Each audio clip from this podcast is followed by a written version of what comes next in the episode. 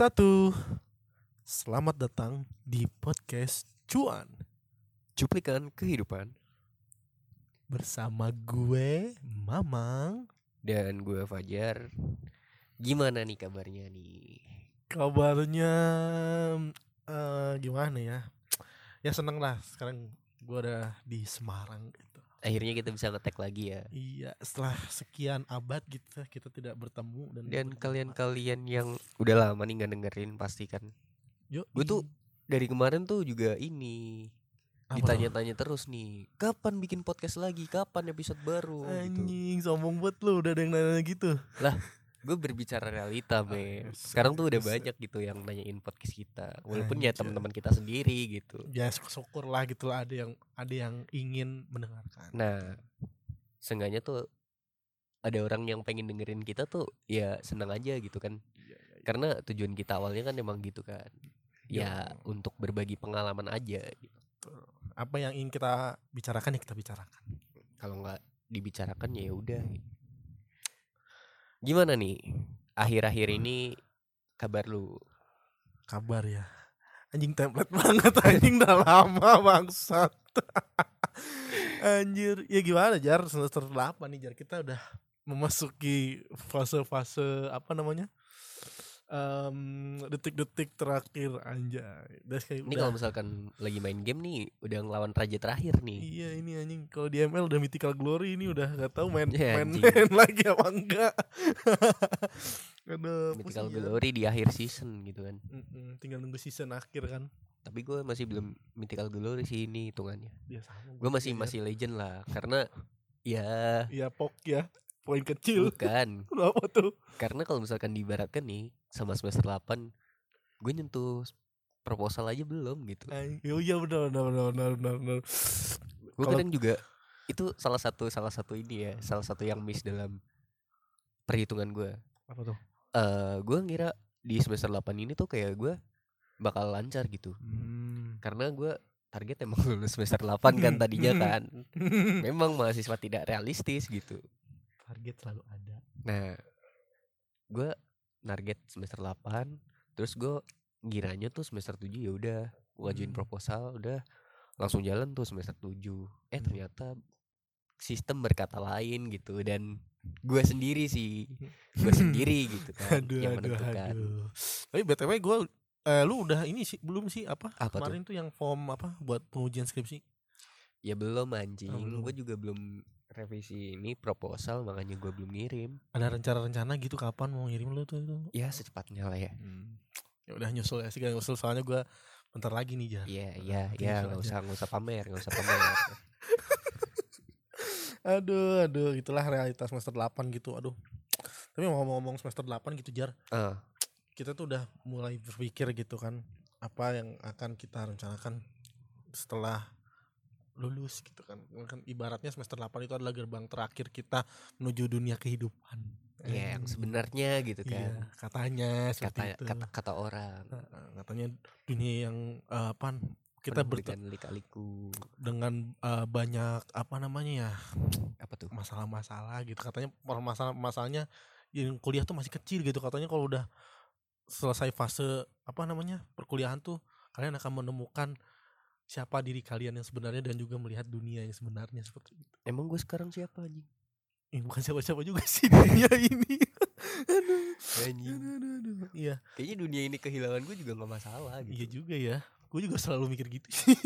kecuali kalau misalnya dunia ini kehilangan Rafathar gitu kan pasti media-media pada ya Ini gue dengernya Avatar. ngapain Avatar anjing itu mah selalu dibutuhkan tapi waktu dunia membutuhkannya dia menghilang anjing. Seribu tahun berlalu. cuman ya gitulah memang ya menurut gue emang ini sih eh semester 8 ini banyak dilematis yang gue alami gitu Mm-mm. karena mungkin ya tadi apa ya eh ini tuh langkah terakhir lah buat kita memasuki kehidupan yang baru gitu kan nah itu juga salah satu mungkin yang bikin gue jadi faktor penghambat kalau buat gua ya Apa tuh yang dihambat? Apa yang terhambat tuh? ya mungkin karena satu gua terlalu mikirin itu dan terlalu takut gitu untuk Hmm, menghadapi kenyataan bahwa bahwa ya sebentar lagi lulus gitu. Hmm. Sedangkan gue belum melakukan apa pun. Dan bisa nggak gue untuk terjun ke sana gitu. Itu yang jadi mungkin ketakutan gue gitu. Hmm. Kalau lu sendiri ngalami gak sih kayak ketakutan gitu? ya kalau kalau dibilang seperti itu ya pasti gue juga mengalami karena eh, dalam ya gitu kayak belum bisa menerima realita yang ada gitu kayak wah bentar lagi udah lulus gue ngapain aja sih selama kuliah? gitu Nah itu karena karena gue ngerasa belum ngelakuin sesuatu yang berarti gitu. Time flies di- gitu ya. uh, di apa ya masa-masa gue kuliah. Hmm. ketika dengar cerita orang-orang yang gue kuliah udah ngelakuin ini ini ini, ini. Gue jadi ngerasa kayak anjing gue selama ini ngapain? Gitu. Meskipun kita ngapa-ngapain tapi kayak kerasa nggak ngapa-ngapain. Iya kayak waktu tuh empat tahun tuh kurang tapi kita nggak mau nambah dong. Iyalah kalau nambah cuannya juga nambah. Nah itu masalahnya. Nah kalau lu sendiri nih? Kalau gue sendiri eh Apa apa ya? Lu nih habis lulus nih mau ngapain nih kan Sasindo nih identik juga dengan lulusan sastra mau jadi apa. Lagu kali itu. Aduh aduh. Ya kalau ditanya gitu juga sebenarnya apa ya gue juga bingung sih antara eh, kerja atau mungkin lanjut studi ya istilahnya seperti itu. Kalau dari gue sendiri kalau gue sebenarnya punya impian gitu kayak Ah. idealis idealistis gue gitu. Gue pengen lanjut studi gitu eh, dan ingin memperbaiki bukan memperbaiki sih lebih ke jenjang karir yang lebih banyak gitu. Apa namanya membuka peluang lebih banyak lagi. Ah, dengan S2 gitu Terus juga uh, beberapa cutting gue juga kan ada yang S2 gitu. Dan uh, gue ngelihat mereka juga uh, apa namanya ya kayak semacam apa Motivasi. ya? iyalah motivasi gitu. Terus juga uh, lingkungan di keluarga gue juga mendukung gitu untuk S2 beberapa gitu tapi juga di sisi lain ketika ngelihat apa ya ketika ngelihat keadaan yang ada. nggak ada gitu kan. Kayak gue kalau gua kalau gua lanjut S2 gitu hmm, karena gua gini aja karena kan gua kan apa kayak telat 2 tahun gitu lah Ah, gap year gitu. Sementara teman-teman gua mungkin udah ada yang kerja gitu dan segala macam gitu. yang nikah. Aduh aduh nikah pikiran yang sangat apa ya belum terpikirkan tapi terlalu terpikirkan gitu aneh. Pengen gak mikir tapi mikir gitu. Gimana ya tapi ya kayak dilematis banget gitu. Kalau dari dari sisi dari sisi idealis gua gue pengen S2 gitu. Tapi gue juga pengen nabung gitu untuk apa namanya untuk Iya kehidupan lu di masa mendatang kan. Iya betul. Kayak- ya kita nggak mungkin selamanya buat bergantung sama orang tua gitu. Mm-mm. kayak gue sendiri pun apa ya buat minta ke orang tua sekarang segen banget anjir. Ih, sama anjir bener. Kayak aneh gitu anjing gue udah tua ngapain minta-minta? gitu kan gue harusnya nyari gue gitu juga kan. jadi merasakan pengorbanan dari kakak gue gitu kan. Eh, sebenarnya kalau misalkan eh, kakak gue tuh egois gitu kan eh, dia tuh bisa aja kuliah. untuk ngelanjutin ke SMA bukan SMK Hmm. terus ngelanjutin ke kuliah gitu. Oh I see, karena I see. menurut gue kakak gue termasuk orang yang ya berprestasi dan pinter lah gitu di ininya di kalangannya gitu kan. Hmm. cuman dia lebih milih untuk SMK dan ya udah karena Kerja, mungkin eh, dia tahu dia punya adik dua gitu kan. Hmm. jadi ya dia ngalah biar gue sama adik gue yang kuliah gitu. Jadi gue kayak anjir ternyata gini ya rasanya. Iya. Kayak ketika di satu sisi lu pengen mengejar impian lu nih tapi kalau misalkan lu pilih itu kayak lu tuh terlalu egois gitu takutnya lu kayak gitu kan. Emang jadi dilematis sih kalau misal itu. Cuman kalau gue sendiri emang ada kayak rencana nih pengen S2 gitu. Tapi di satu sisi juga gue pengen apa ya mungkin karena gue juga udah ngerti duit gitu ya. Gue pengen ya udahlah gue pengen mengabulkan apa ya apa tuh? ini gue lah kayak keinginan keinginan gue yang lain gitu. Kayak gue pengen punya barang-barang sendiri gitu dari hasil gue sendiri gitu. Iya iya iya iya. ya mungkin kalau gua ngeliat gitu ya ya mungkin gua sedang di posisi kakak lu itu gitu karena gue juga Eh. punya adik gitu. Gue juga mikirnya gitu apa kayak mau ngambil ini tapi takut Mm-mm. egois. Sebenarnya gua kuliah pun kayak udah apa namanya ya ngelihat karena kan gua jauh banget kan umur adik gua sementara apa gua udah mau pensiun ini kayak curhat anjing. Ya tapi ya ya gitu jadinya apa namanya eh dilematis banget gitu. Hmm, dan juga mungkin gue juga masih kayak gampang kepengaruh meskipun gua berusaha untuk gak kepengaruh lingkungan. Kayak misalkan kan orang apa sih lulusan sastra kok kuliah di eh, apa kerja di bank kok lulusan sastra jadi barista Ah. wah gitu lah ya kan biasa lah mah namanya mulut orang kan dulu tuh gue nggak pernah bingung tuh sama gue nggak pernah bingung kalau ditanya itu Mm-mm.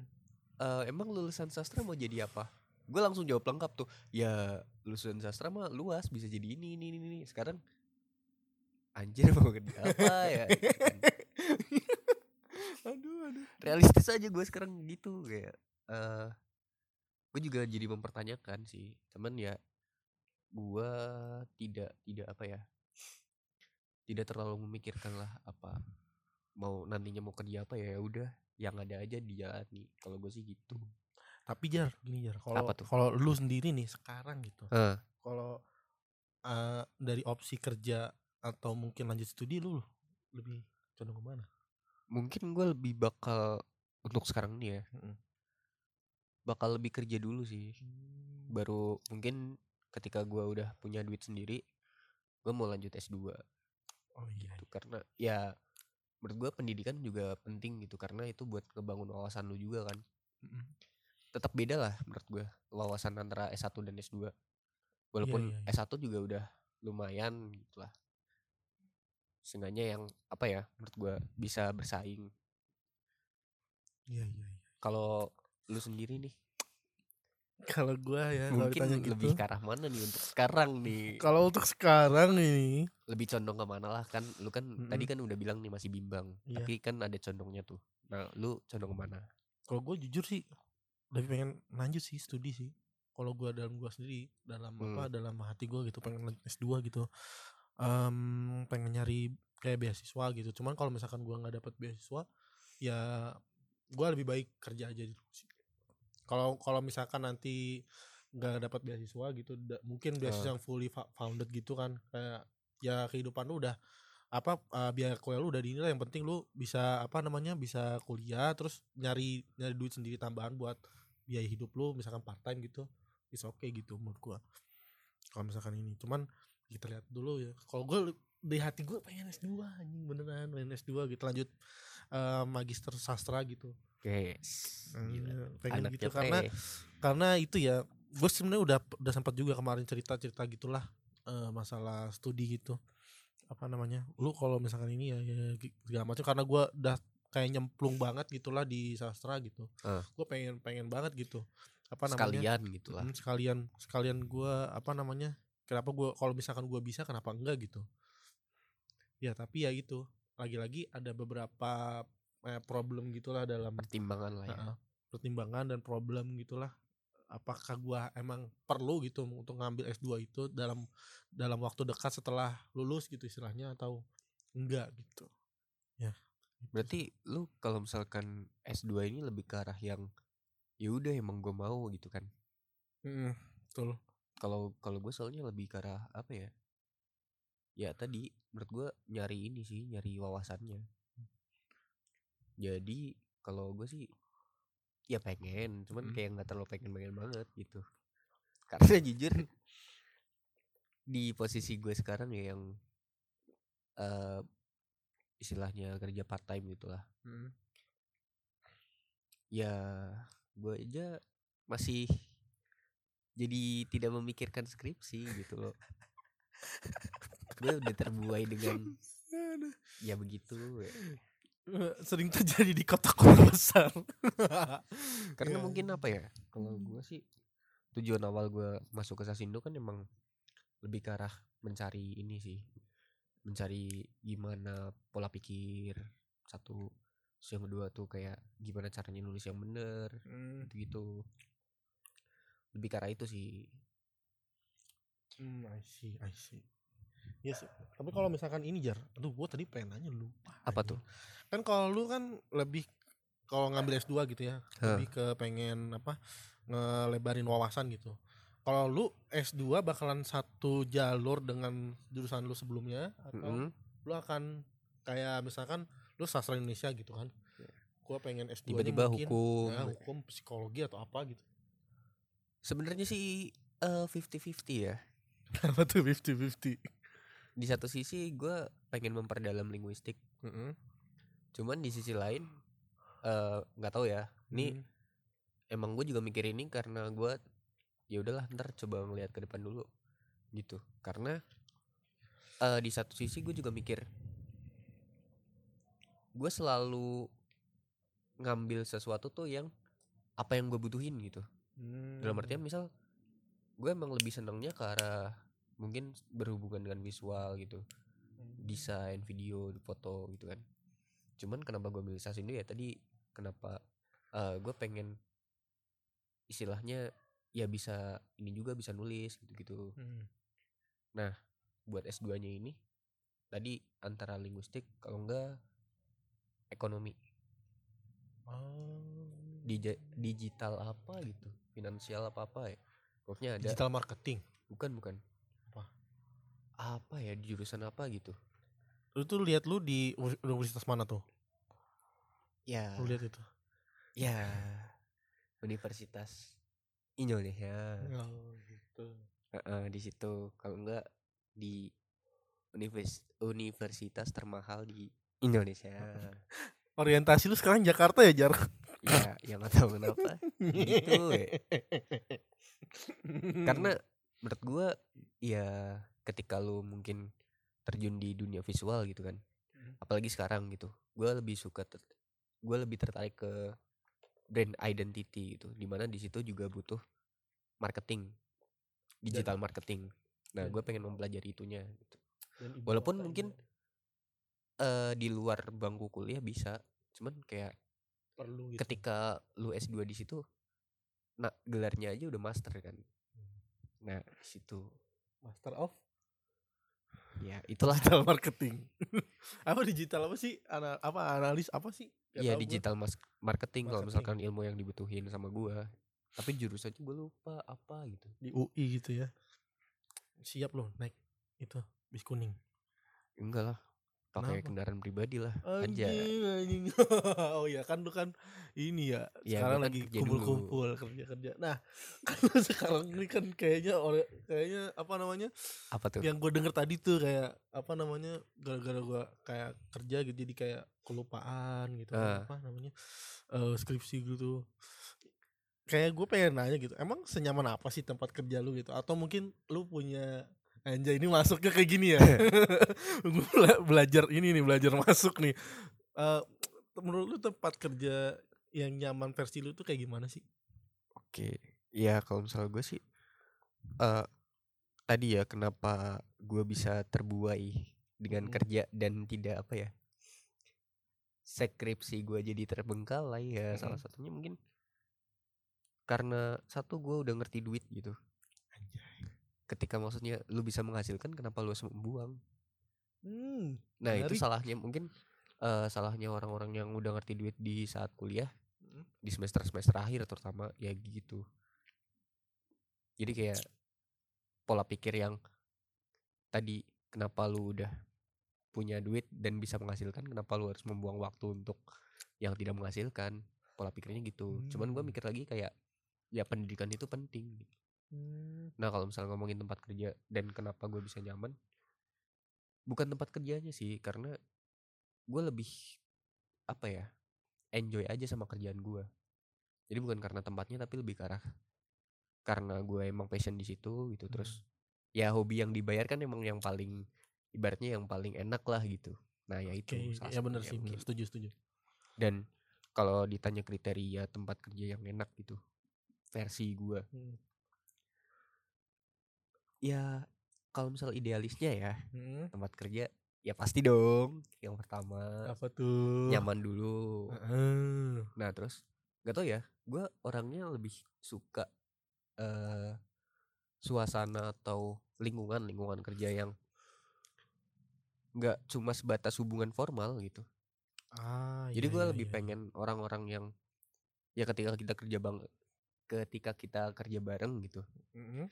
Ya kita juga deket secara personal walaupun secara realistisnya atau di keadaan aslinya kan nggak mungkin juga kayak gitu kan iya iya iya. nah kayak gitu sih kalau misalkan buat gua terus ya kalau misalnya ditanya idealisnya ya tentu saja yang menghasilkan besar dong kalau tadi balik ke awal tadi ya Heeh. udah mikirin uang tuh kayak apa ya ada ada orient- orientasi pikiran yang berbeda gitu ya Heeh. cuman ya gua eh mungkin itu sih gua salah satu cita-cita gua lah.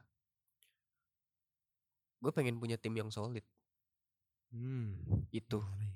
walaupun mungkin ini bisa mengalahkan yang aspek-aspek yang tadi yang udah gue sebutin gitu. Di awal tadi ya? Ya yang misal gaji gede gitu. mungkin bisa gue kesampingkan ketika gue menemukan tim yang solid dan benar-benar kita ya maju bareng-bareng gitu. Kalau gue gitu sih kalau misalkan buat lu nih tempat kerja yang cocok eh yang cocok yang enak menurut lu versi lu versi gue ya? Meskipun gue belum pernah kerja kan? Kayak lu kan lu kan udah kayak mungkin pengalaman lu lebih banyak lah masalah pekerjaan gitu. Enggak kalau- juga sih. iya kalau dibanding gua gitu. Maksudnya iya. jar kan di sini kita berdua doang jar. Gimana sih emang ada banyak orang? anjir. Siapa? Ada kancut ada ada pot bunga. juga. Ada pot bunga ada iyalah ada suasana banyak bintang-bintang Iya, bintang. Hmm. Kalau gua apa ya? Tempat kerja yang favo- yang kriteria ya, yang nyaman gitu. Karena gua karena gua karena gua karena gua karena gua Tadi dulu gue pusing anjing mikirinnya. Ehm, secara idealis gitu. ah Karena gua kan em, gua kan em, mungkin kemampuan gua lebih ke arah tulisan. Kaget anjing. tulisan gitu kan menulis gitu lah istilahnya lah. Karena eh, creative writing gitu. Gua lebih suka tempat kerja yang mungkin suasananya enggak yang apa yang enggak ini sih gak berisik yang nggak berisik gitu terus eh, ruangannya nggak harus full AC atau kayak kayak kantor yang megah gitu menurut gua menurut gua kalau misalkan kantor kantor gua misalkan hanya kayak bangunan kayu atau apa gitu cuman yang apa ya model-model lama gitu terus vintage gitu ya? ya vintage vintage gitulah. Apa sih gua? Sosokan anjing vintage. Anak-anak artsy aja Eh, terus kerjanya juga mungkin eh, apa namanya yang enggak yang tadi sih gue sih lebih setuju ke lu yang tadi yang work apa teamwork yang apa punya tim yang apa namanya ya yang yang solid lah. satu visi dan solid gitu. Heeh. Karena menurut gua itu penting untuk jangka panjang karena apa ya meskipun meskipun ya gue suka gaji yang besar gitu kan misalkan punya punya apa namanya tabungan buat masa depan gitu kan. Cuman kalau dipikir ulang apakah kerjaan itu worth it dengan gua? Misalkan dalam karena gua kan menulis ya menulis tuh kadang berurusan dengan mood gitu. Iya. kalau misalkan tim gua misalkan dalam dalam misalkan gua kerja di penerbitan gitu ya misalkan di tim Mm. gua ini nggak solid dan nggak ini gaji besar pun menurut gua nggak gua nggak bakalan apa namanya ya mungkin cepat stres sih gua lebih tepatnya Ya paham sih. Jadi Kalau kayak ya lu emang dibayar ekstra, cuman ya lu stresnya ekstra stres gitu. iya Jadi kayak nggak menikmati kerjaan kan. Mm-mm. Ya sedikit cerita juga, gua waktu di magang emang ngerasa banget sih itu. Hmm. Ketika gue emang orangnya kan seneng ngobrol kan. Mm-mm. Ketika di magangan gua dulu yang banyak orang gitu kan. Itu tuh enak. Karena gue jadi bisa ngobrol dan saling bertukar pikiran gitu sama yang lain walaupun di situ ya cuma ngomongin si mentornya doang ngegibahin si mentor cuman Mm. kayak enak aja gitu kayak punya obrolan lah selain dari hubungan-hubungan yang formal gitu cuman kalau misalkan yang di magangan gue yang sekarang gitu Mm-mm. Itu kayak gue nggak ngerasain itu. Karena di sini cuma tiga orang termasuk gue ya ti- Heeh. itu tiga orang dan kurang aja bercandanya gitu. Jadi kayak gue ngerasa ya allah formal banget. Kayak jadi gue apa ya gue mungkin lebih seneng tadi kayak punya tim yang ya nggak usah tim lah. Intinya Hmm. punya teman kerja yang enak juga gitu buat diajak hubungan di luar kerja gitu. Kalau gue sih mungkin nggak bisa yang seformal itu ya realitanya itu ya kayak gitu ya. Realita cuman ya kalau misalkan berbicara dengan realita tadi ya emang gitu. Ya lu harus milih gitu.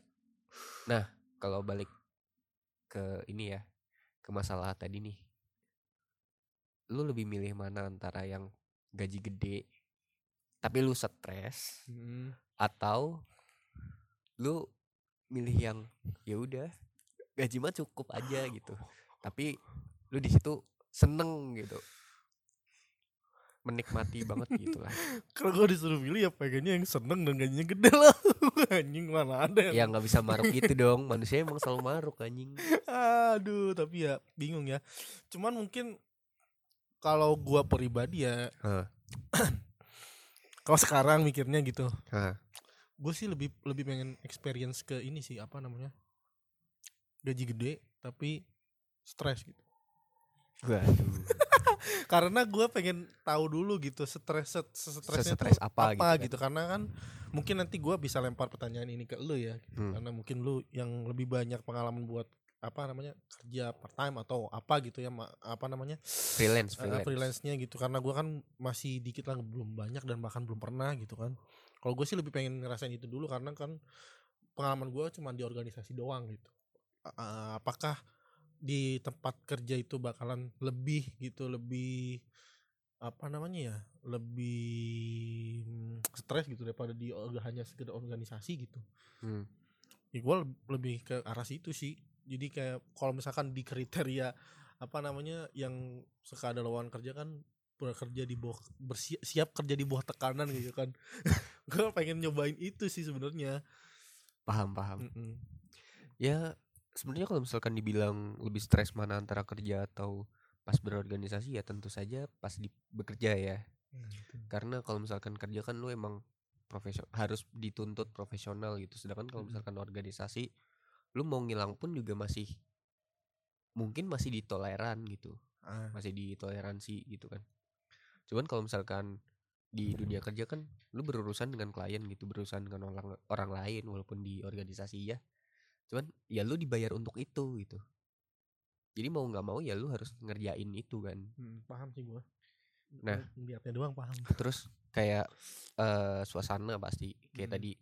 Mungkin eh kalau misalkan kerja ya lebih banyak hubungan-hubungan yang formal dibandingkan dengan hubungan yang kekeluargaan gitu. Karena ya gue sendiri emang dulu di organisasi juga lebih ke arah yang apa ya lebih ke kekeluargaan gitu. Gue lebih suka yang tim-tim kecil gitu dibandingkan dengan Hmm. organisasi yang sekupnya tuh besar. Mm. gitu sih. Jadi lebih kerasa banget. Cuman realitanya ya di tempat kerja ya eh, saat ini ternyata gitu ya Mhm. yang gue temukan tuh wow. Eh, apa tuh? Ya gitu ternyata wah nggak se nggak seenak yang gue bayangkan gitu. Gue dulu mikir eh kerja misal nih takarannya 100% gitu Mm-mm. ya minimal UMR Jakarta lah gue mikirnya segitu tapi ternyata porsinya tuh 150% Mm-mm. tapi ya UMR-nya bukan UM bukan UMR UMR Jakarta. Jakarta. mungkin malah setengahnya gitu yang ditemukan ya gitu, gitu. dan gua tipikal orang yang apa ya nggak suka yang dadakan gitu semua harus sistematis. Hmm. tapi kenyataannya kayak ya ada aja gitu. Ya mau nggak mau lu harus merelakan waktu lu gitu. Ketika mungkin ada kerjaan dadakan atau mungkin klien minta apa dadakan gitu. Ya semua emang ya klien emang apa ya adalah raja Hmm, ada-ada saja seperti itu.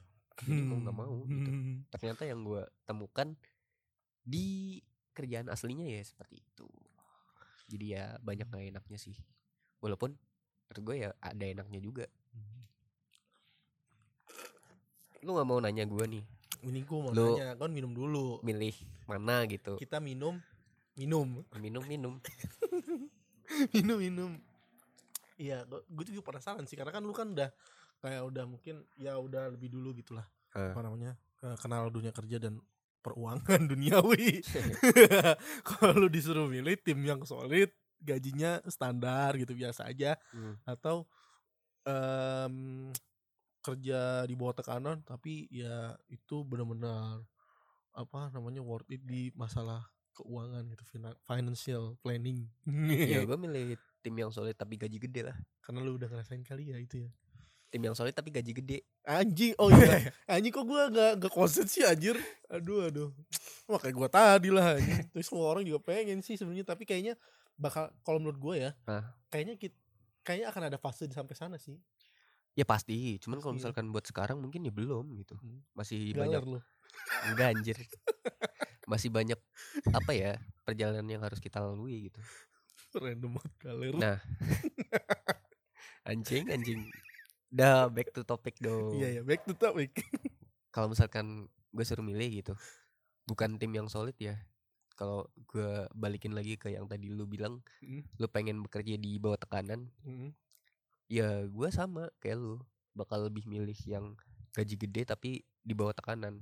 Hmm. tapi asalkan Apa di bawah tekanannya ini manusia menghasilkan bukan bukan Apa? manusiawi.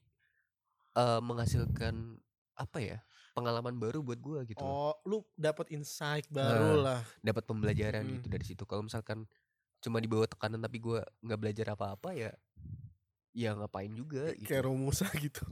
Ya nggak romusa juga sih Iya tapi, maksudnya kalau kayak Romusa gitu kan gak dapat apa-apa kerja terus doang. kayak kerjanya template gitu Mm-mm. kan. Itu gua ya mikir-mikir lagi gitu. Walaupun secara realistisnya gitu kan. Mm-mm. ya gue butuh duit gitu. Ya sih dunia ini penuh dengan uang. Ya dun nggak semua sesuatu tuh bisa dibeli dengan uang tapi segala sesuatu Bisa butuh dibilang. uang. Em. gitu ya ternyata ya. Aduh ya tapi ya emang masalah itu tuh kayak berhubungan dengan idealis dan realistisnya jelas lah lu ya umur umur segini pasti punya apa ya punya idealisme yang tinggi tingginya gitu apalagi fresh graduate gitu kan Anjay, fresh Pasti. graduate. pasti selalu ini sih yang dari yang gue tonton selama ini terus yang gue dengerin katanya kalau misalkan fresh graduate emang punya apa ya idealisme yang lagi tinggi tingginya gitu lah Hmm. dibandingkan ngantar ketika udah ber- berhadapan dengan realita satu dua tahun Mm-mm. pasti kayak udah mulai pelan pelan mengikis gitu kan ya sama kayak gue gue juga pengen kayak tadi lah cita-cita gue adalah punya tim yang solid gitu tapi mungkin ketika gue udah satu tahun dua tahun bekerja dengan gaji yang cukup tinggi Hmm. ya idealisme itu akan gue kesampingkan gitu. karena fokus gue sekarang ya ngumpulin duit dulu karena kan kalau misal gue sendiri ya Mm.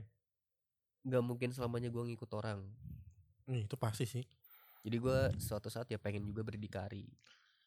Kalau lu sendiri gimana nih? Apanya yang gimana? Ya itu maksudnya apakah lu bakal ngikut orang terus atau mungkin lu kepikiran buat apa ya bikin sesuatu sendiri gitu. Hmm, kalau yang itu ya dari pertanyaan lu tuh ikut orang tuh mungkin kalau dari pandangan gue mungkin orang tua mungkin ya. Bukan atau gitu apa? sih. Maksudnya lu kerja sama orang nih atau mungkin oh lu nah bakal gitu. eksplisit swasta eksplisit gitu. dong. Ini kan ada ti- topiknya gitu eksplisit. Ah lu gue tuh mencoba untuk mengindahkan gitu kan kita anjay anak sastra. mengindahkan. Anjing anak sastra bangsat. Kalau gue ya kalau untuk awal-awal sih emang gue harus belajar sama orang dulu. Tapi nah itu sih katanya apa namanya jangan terlalu terbuai gitu. Kadang-kadang kan ada Eh. yang karena kita ya udah karena udah terlalu nyaman gitu gitu kan terus nggak mau berkembang tapi ya karena mungkin ter, udah udah apa namanya terlanjur ter, bukan terlanjur sih apa ya namanya ya kayak udah ya udahlah kayak gitu aja lah emang gampang gitu kayak kan. udah udah ketemu patternnya lah Iya, tapi nggak kayak kalau menurut gue pribadi ya kayak kayaknya gue nggak bakalan kayak gitu gitu karena em, ilmu baru, hal-hal baru tuh penting buat bagi gue gitu. Gue pribadi jadi kalau gue sendiri eh, paling enggak eh, ada pengalaman dulu bekerja sama orang gitu. Dan itu pasti gitu. Tapi di sisi lain gue juga pengen menciptakan ruang ruang ini sendiri sih apa namanya eh, bukan ya istilahnya usaha lah gitu usaha peluang kerja sendiri untuk apa ngebuka buat orang lain juga gitu bergabung ke gua gitu. Tapi kayaknya itu akan terjadi tercipta setelah gua mungkin punya pengalaman bekerja dengan orang lain karena kan gue minim pengalaman juga sih kalau dalam dunia kerja kan gue nggak apa apa belum pernah sama sekali gitu kan Tapi kalau lu sendiri tuh orang yang apa ya? Pengen nyobain segala sesuatu atau yang bakal ketika lu udah misal ketemu titik nyamannya nih. Ya udahlah gue bakal ini aja. kalau gue sih oportunis sih jar apa ya, kalau misalkan ada peluang baru dan dan itu lebih ini gue pasti akan lakuin Walaupun resikonya juga sebanding dengan Mm-mm. peluangnya. iya ini kayak lebih apa namanya kalau ini peluang yang benar-benar gue ngeliat gitu kan Ah. kalau gue lebih ngeliat peluang itu lang apa ke depannya langkahnya seperti apa dipikirin dulu kalau emang kalau emang itu benar-benar apa namanya ya peluangnya tuh oke lah gitu Ah. ya udah gitu gua bakalan gua ambil gitu tapi kalau misalkan enggak mau ke- masen- makan terus mencari sambil gua apa menjalani yang sekarang gua sedang kerjakan ya emang resiko tinggi juga sebanding dengan peluang yang bakal dihasilin sih menurut gue Hmm. cuman kalau lu sendiri nih Mm-mm. lu tuh bakal yang kayak misal pindah-pindah tempat kerja nggak untuk mencari pengalaman baru ya ini Kan- tempat kerja ya ya nggak bisa dipungkiri kadang kan Hmm. juga eh apa ya realitanya emang banyak yang gitu kan Mm. kayak misal resign dari satu kantor pindah ke kantor lain entah itu mencari pengalaman baru Mm. gaji baru atau yang Iya. lainnya gitu kalau gua dalam pikiran gua sih dalam mimpi gua anjir gue sih pengennya cukup stay sekali dua kali aja sih pindah maksudnya setelah di satu titik ini gue udah merasa cukup dan gue akan apa ya ingin nambah gitu Ah. pengalaman lagi ya setelah setelah gue pindah itu ya gue harap di situ udah titik gue gitu. Udah titik gue ya oh ternyata gini udah gitu. Jadi nggak nggak harus pindah banyak tempat Iya. gitu. Gue sih pengennya gitu sih karena apa pertama yang dalam dalam idealis gue gitu ya apa setelah gue menghadapi fase yang sulit pasti akan datang kemudahan gitu. Indah malu serius bro Gak tau gue Gak baca Quran. Belum baca Eh anjing keceplosan bangsat. Udah jarang baca Quran Jar gue Jar. Aduh. Ya. Anjing jangan jangan gitu lah Jar.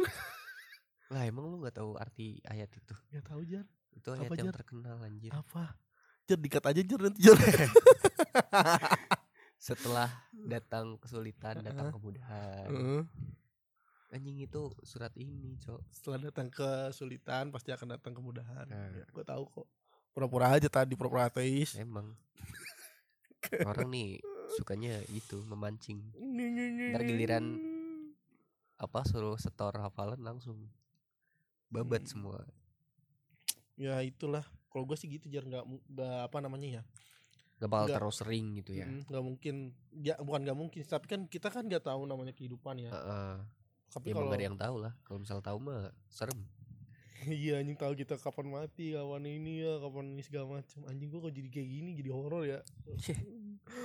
Iya gitu. Kalau misalkan da- dari kerja gue pengen satu dua kali aja sih pindah. Habis itu gua udah di di ketika gua pindah itu gua adalah di titik di mana gua udah menemukan. Kalau lu gimana?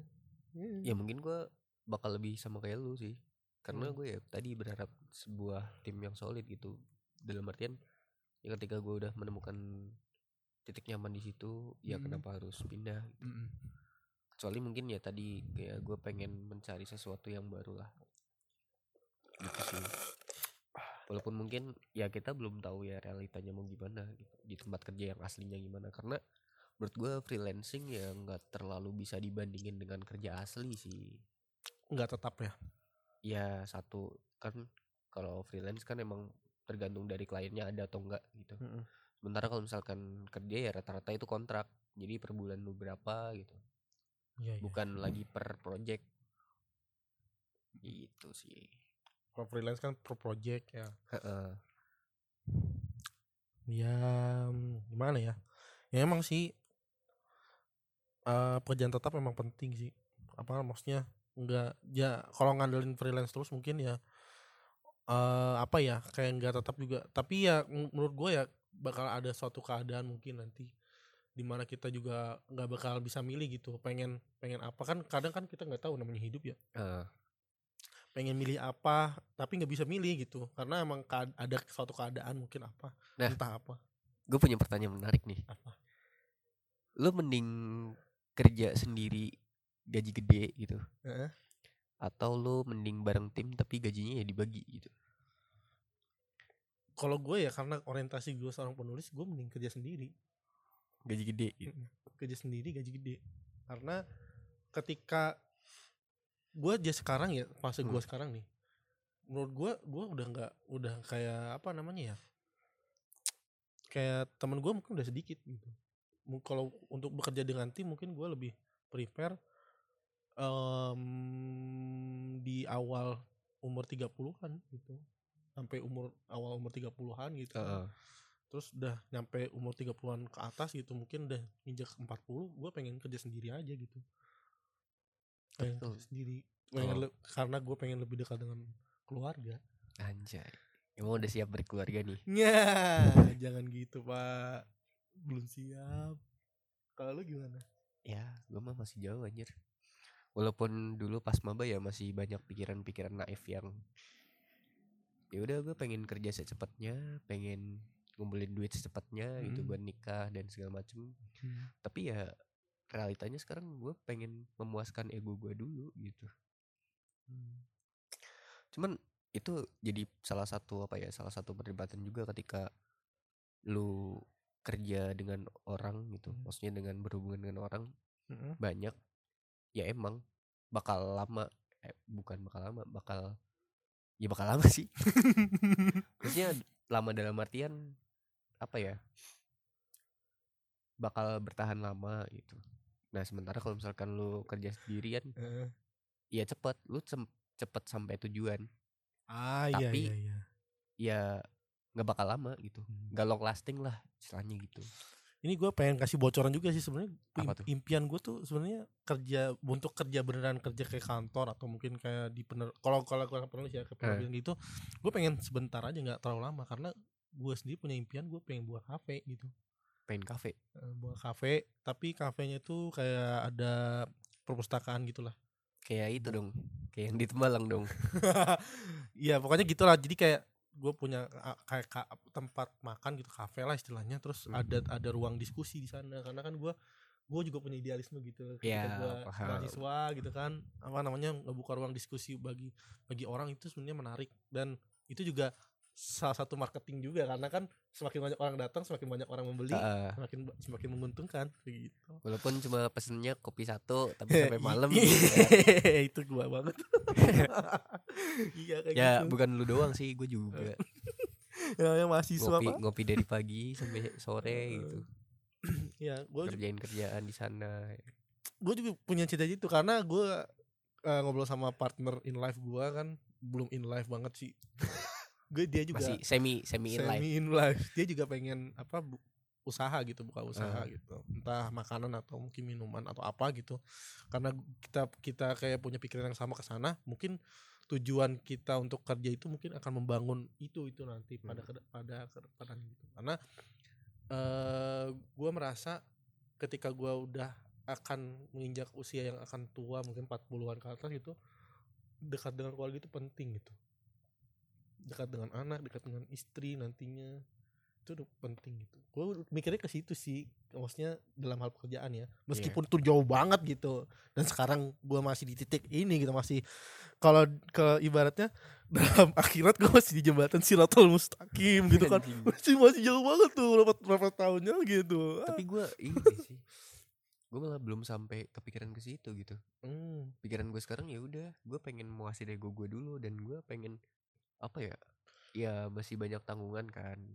Iya iya iya. Yang buat pegang gitu. Ya gue pengen melunasi itu dulu lah. Itu Iya. sih yang gue pikirin sekarang gitu. Jadi Iya. kayak buat ke sana anjir lah dulu mungkin ya gue kepikiran itu. Mm-mm. kan gue sekarang kayak ya ya ya ya. Yang ada dulu ya. Iya. Nggak tahu semakin semester tua ya gue semakin realistis aja sih tapi kenapa sih Jar gitu tuh harus milih realistis dan idealis itu kenapa sih? Menurut tuh? Ya nggak bisa maruk lah. Bisa marah menurut gue ya. Mm-mm. kecuali lu punya ini punya privilege gitu. Apa tuh privilege-nya? Ya misal lu jadi rafathar gitu. Oh, avatar ya lu mau nyantai-nyantai juga itu duit tuh udah banyak gitu. Iya, udah lu nggak usah nyari lagi. Dia disediain ya? Menurut gue eh privilege tuh penting dalam suatu kerjaan sih. Hmm. Orang dalam.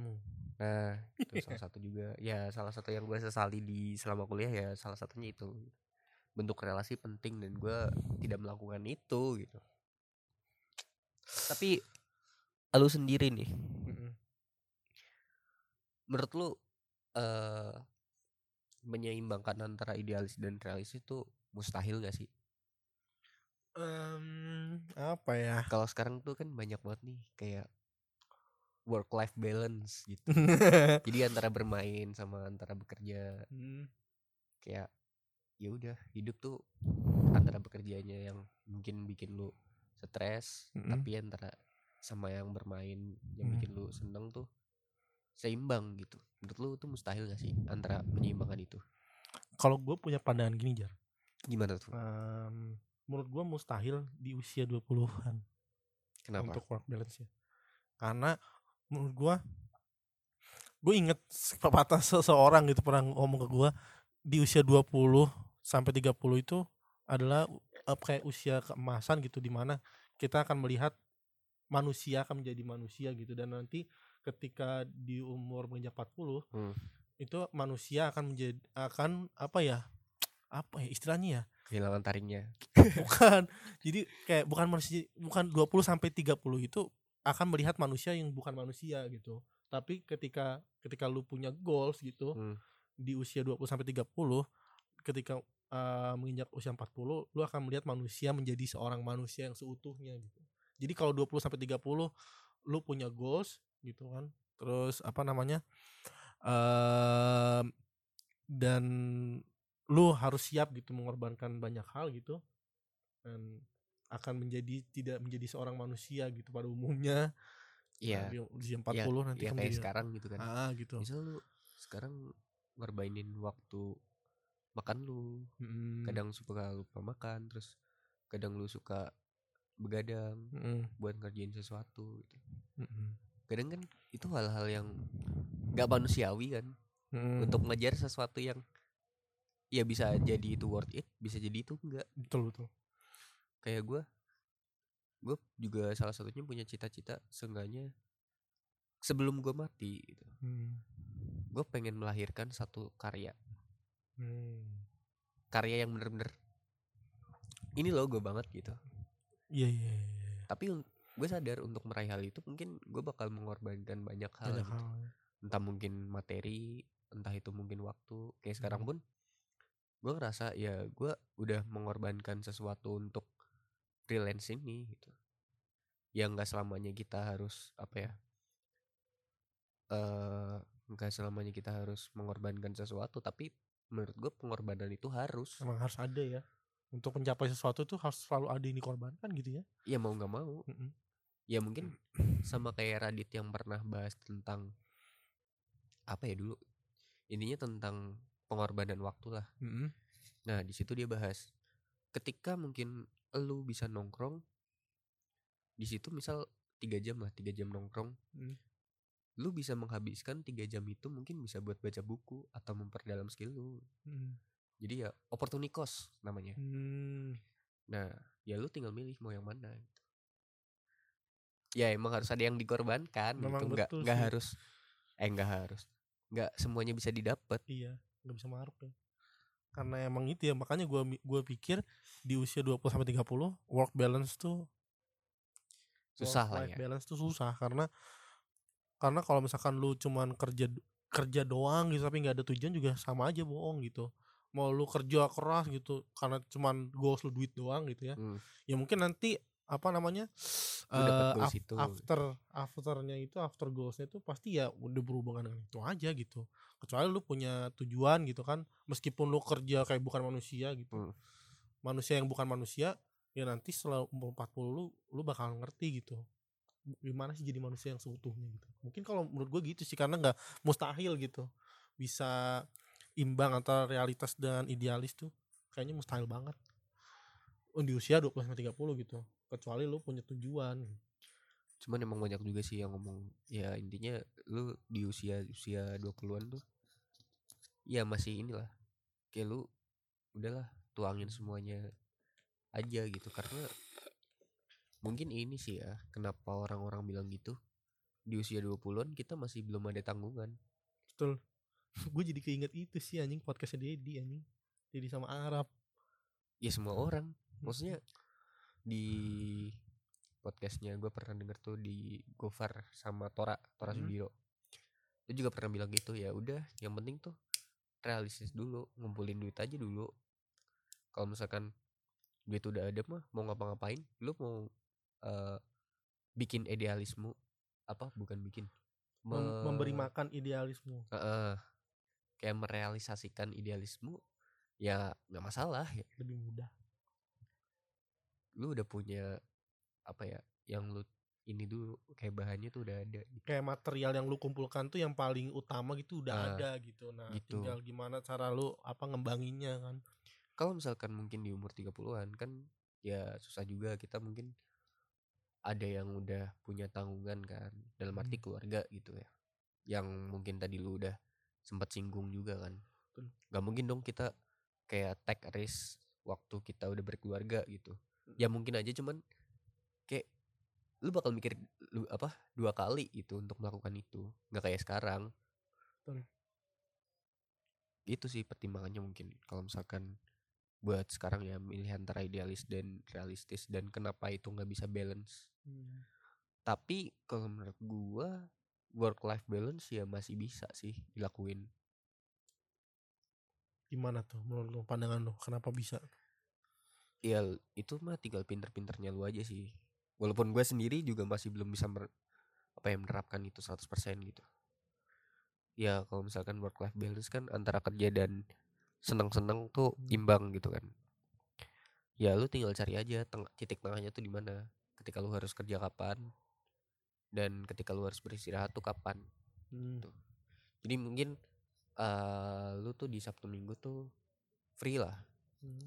yaudah lu di Sabtu Minggu nggak usah nyentuh kerjaan sama sekali gitu ya lu fokus aja sama diri lu gitu gitu tapi gue juga kepikiran jadinya apa namanya tuh? kayaknya setiap orang punya ini sendiri sih apa namanya eh perbedaan masing-masing sih untuk work life balance ini ya mungkin kalau tadi gue cerita itu karena versi Eh. gue sendiri gitu mungkin orang lain ya mungkin yang lulus semua yang dengerin podcast ini juga mungkin punya apa pandangan masing-masing gitu tentang work life balance gitu tapi kalau menurut gue sendiri pribadi gitu Hmm. kayaknya gua mustahil gitu untuk di usia 20 sampai 30 untuk work life balance. Kalau Fajar kan tadi bilang bilang kan dia bi- apa namanya eh, masih bisa kemungkinan untuk work life balance asalkan lu pinter bagi waktu gitu ya. Heeh.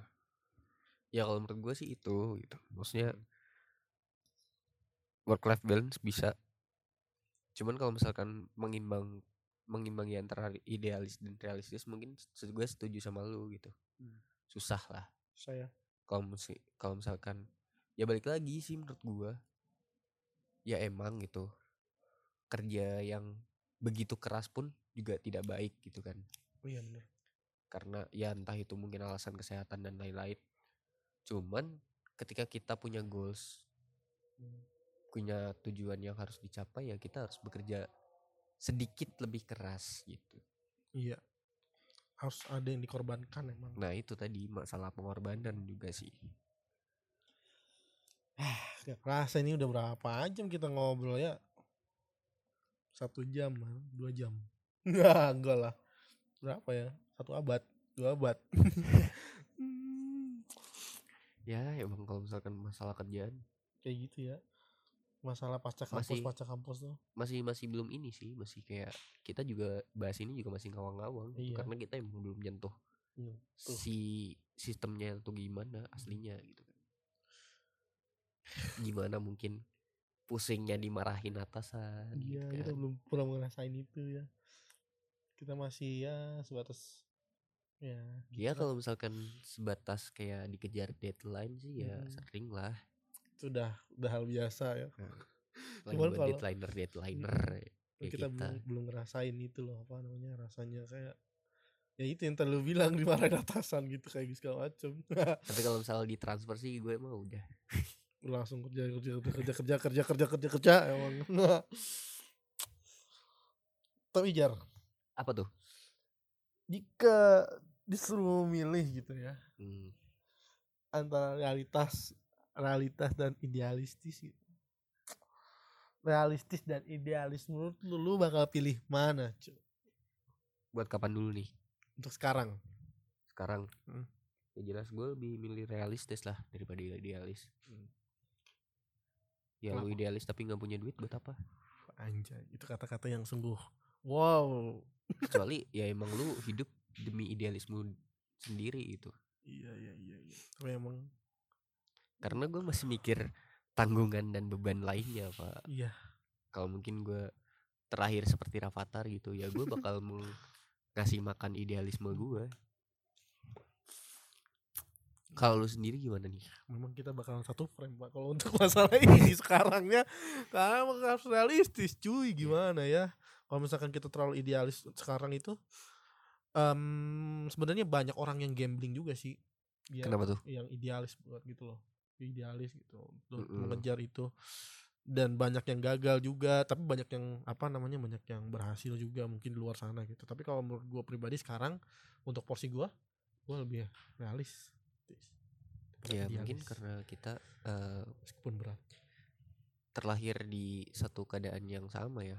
Hmm. Da- bukan dalam artian udah artian gua sama, persis. di kakak kayak ya mirip-mirip lah. ya. Hmm. Tapi emang pengaruh juga sih masalah orang tua ya. Hmm. Ketika lo mungkin lahir di orang tua yang berada gitu kan Hmm.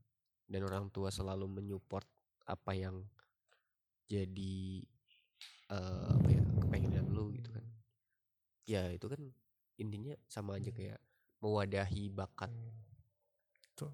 nah sama, sama juga kalau misalkan menurut gua relasi dari orang tua tuh penting juga di dunia kerja jadi ya itu masuk ke privilege gitu. Ya, dan ya. ketika gua tadi kenapa milih realistis? Hmm.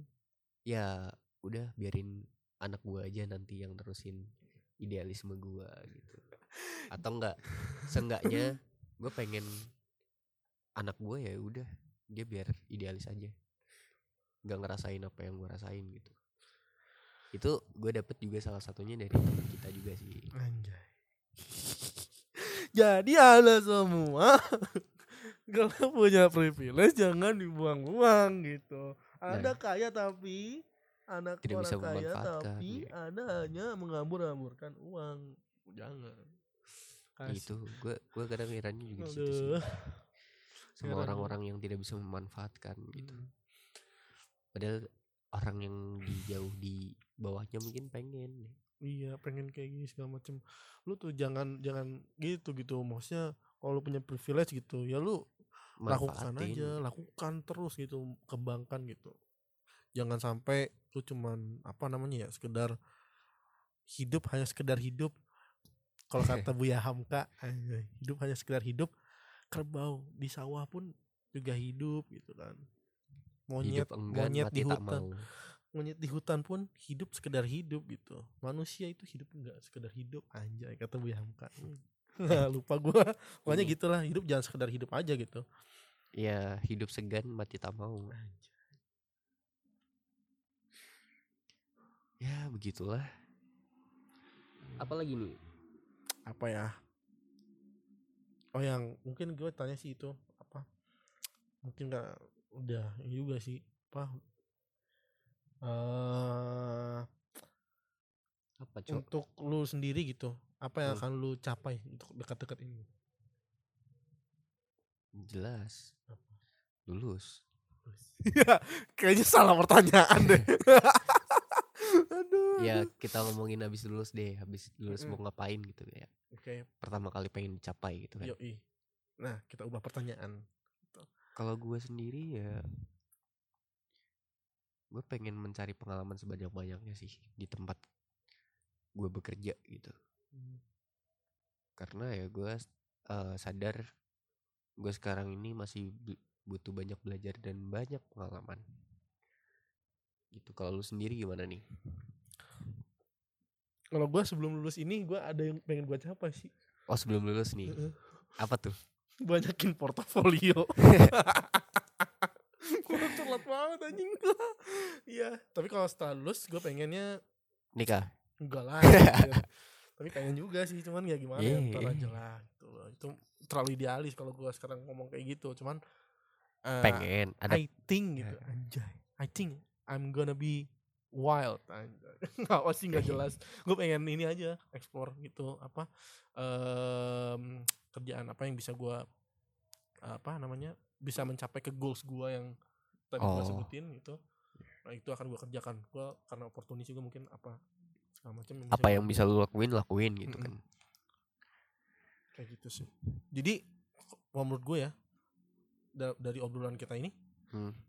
em, kalau lu bisa eh, kalau orang lain bisa kenapa lu nggak bisa dan juga jangan ini sih apa namanya kalau tadi sih gue ingat kata-kata lu yang kalau kalau kalau privilege itu penting jadi jangan jangan kita jangan sia-siain itu Hmm. karena di luar sana tuh banyak orang yang dia punya kemampuan skill keahlian segala macam tapi kalau misalkan emang apa privilege ada yang mewadahi mm, gitu kan. tidak ada yang mewadahi who gitu siapa yang akan mewadahi gitu mungkin kalian yang punya privilege harusnya bisa melihat itu gitu punya itu tapi gue bukan mengemis di sini ya gue cuma ngasih tahu aja gitu. Apa namanya kalau lu yang punya privilege sih jangan jangan sampai apa yang jangan disia-siakan lah gitu. Kasian uh, ngeliat lu harus ngeliat ke bawah gitu.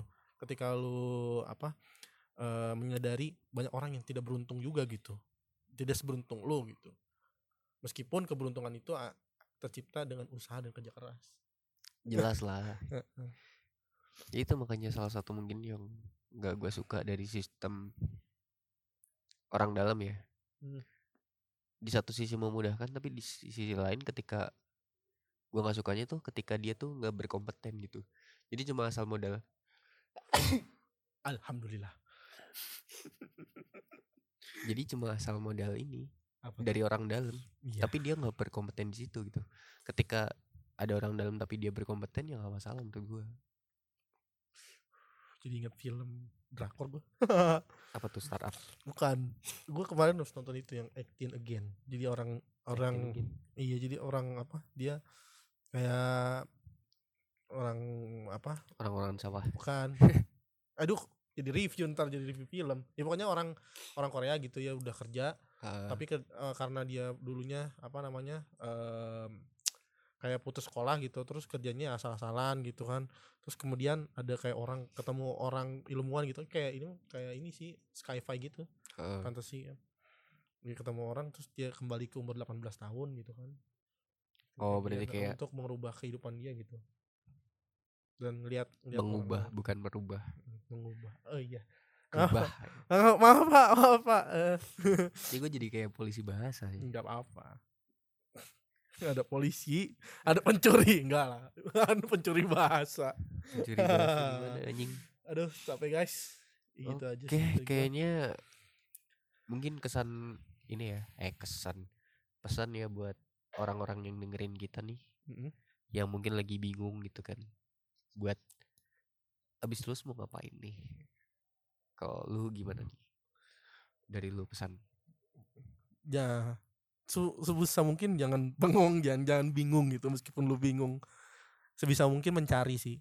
Pertama mencari apa yang akan lu capai gitu. Itu penting. Karena kalau lu nggak punya target dan dan lu kehilangan jalan gitu di tengah ketika lu misalkan udah kerja gitu segala macam setelah lulus lu kehilangan target itu ya udah you gonna you gonna be a loser anjay. Lu gak akan bakalan kehilangan dunia lu gitu. Lu bakalan terlena dengan apa pun yang ada di sekitar lu. Apalagi kalau lu udah kenal mungkin ya kan kalau kerja kan berkaitan dengan uang apalagi gitu kan. Udah pu- mungkin udah pusing apa namanya bukan pusing sih keblinger banget dan udah bingung bingung bingung bingung ya penting lu set goals dulu aja gitu. Meskipun dari step by step yang kecil gitu Eh, tapi seenggaknya lu udah punya target gitu. Jangan sampai lu lu bingung cuman bingung doang gitu bingung itu menurut gue ya definisinya bingung itu adalah ketika lu mungkin eh, apa namanya sulit mencari sesuatu yang akan menjadi goals lu di kemudian hari anjay. kalau? Kalau gue sih antara dua ya. apa tuh Antara yang tadi yang udah lu bilang Mm-mm. set goal gitu. Intinya cari tujuan besar hidup lu apa gitu. Mm-mm. Tapi kalau misalkan lu masih bingung, ya udah kesempatan yang ada di depan mata lu gitu. Apa pun itu ambil aja dulu toh kita juga nggak tahu ke depannya gimana kan Iya. ya kalau misalkan emang lu berjodoh dengan kesempatan itu ya mungkin itu bisa jadi Peluang.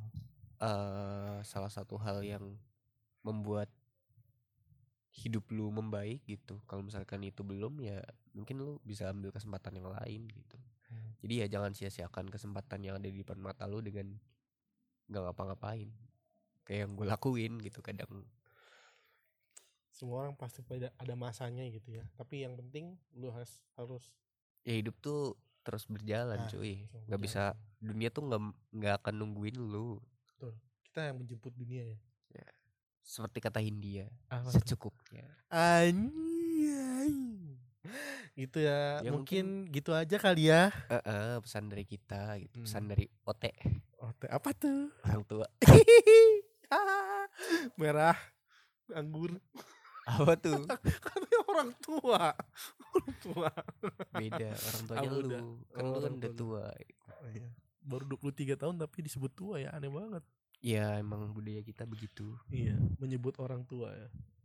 Padahal masih muda gitu.